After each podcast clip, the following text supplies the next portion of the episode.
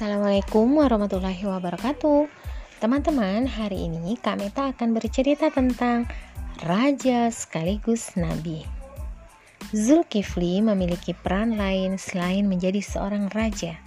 Allah subhanahu wa ta'ala mengangkat Zulkifli menjadi Nabi. Sama seperti yang dianugerahi kepada sang ayah Nabi Ayub alaihissalam.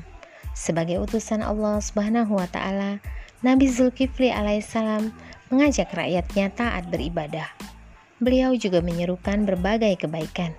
Hanya Allah Subhanahu wa taala manusia wajib menyembah. Setelah menjadi raja, Nabi Zulkifli alaihissalam tetap melaksanakan semua kewajiban yang diminta raja sebelumnya. Nabi Zulkifli alaihissalam berusaha menjadi raja yang adil dan bijaksana.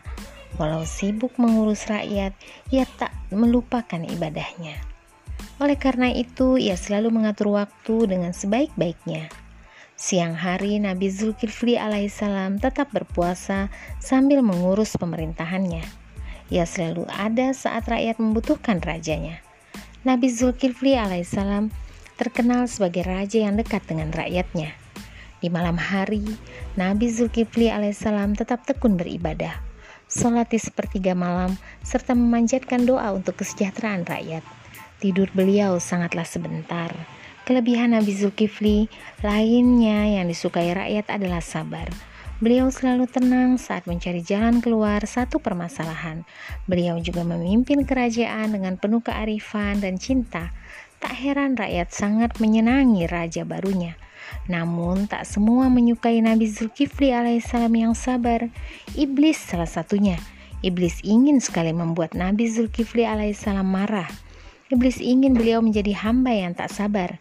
Iblis selalu mendatangi setan. Iblis meminta anak buahnya untuk menggoda Nabi Zulkifli alaihissalam. Godalah Zulkifli, pintanya kepada satu anak buahnya.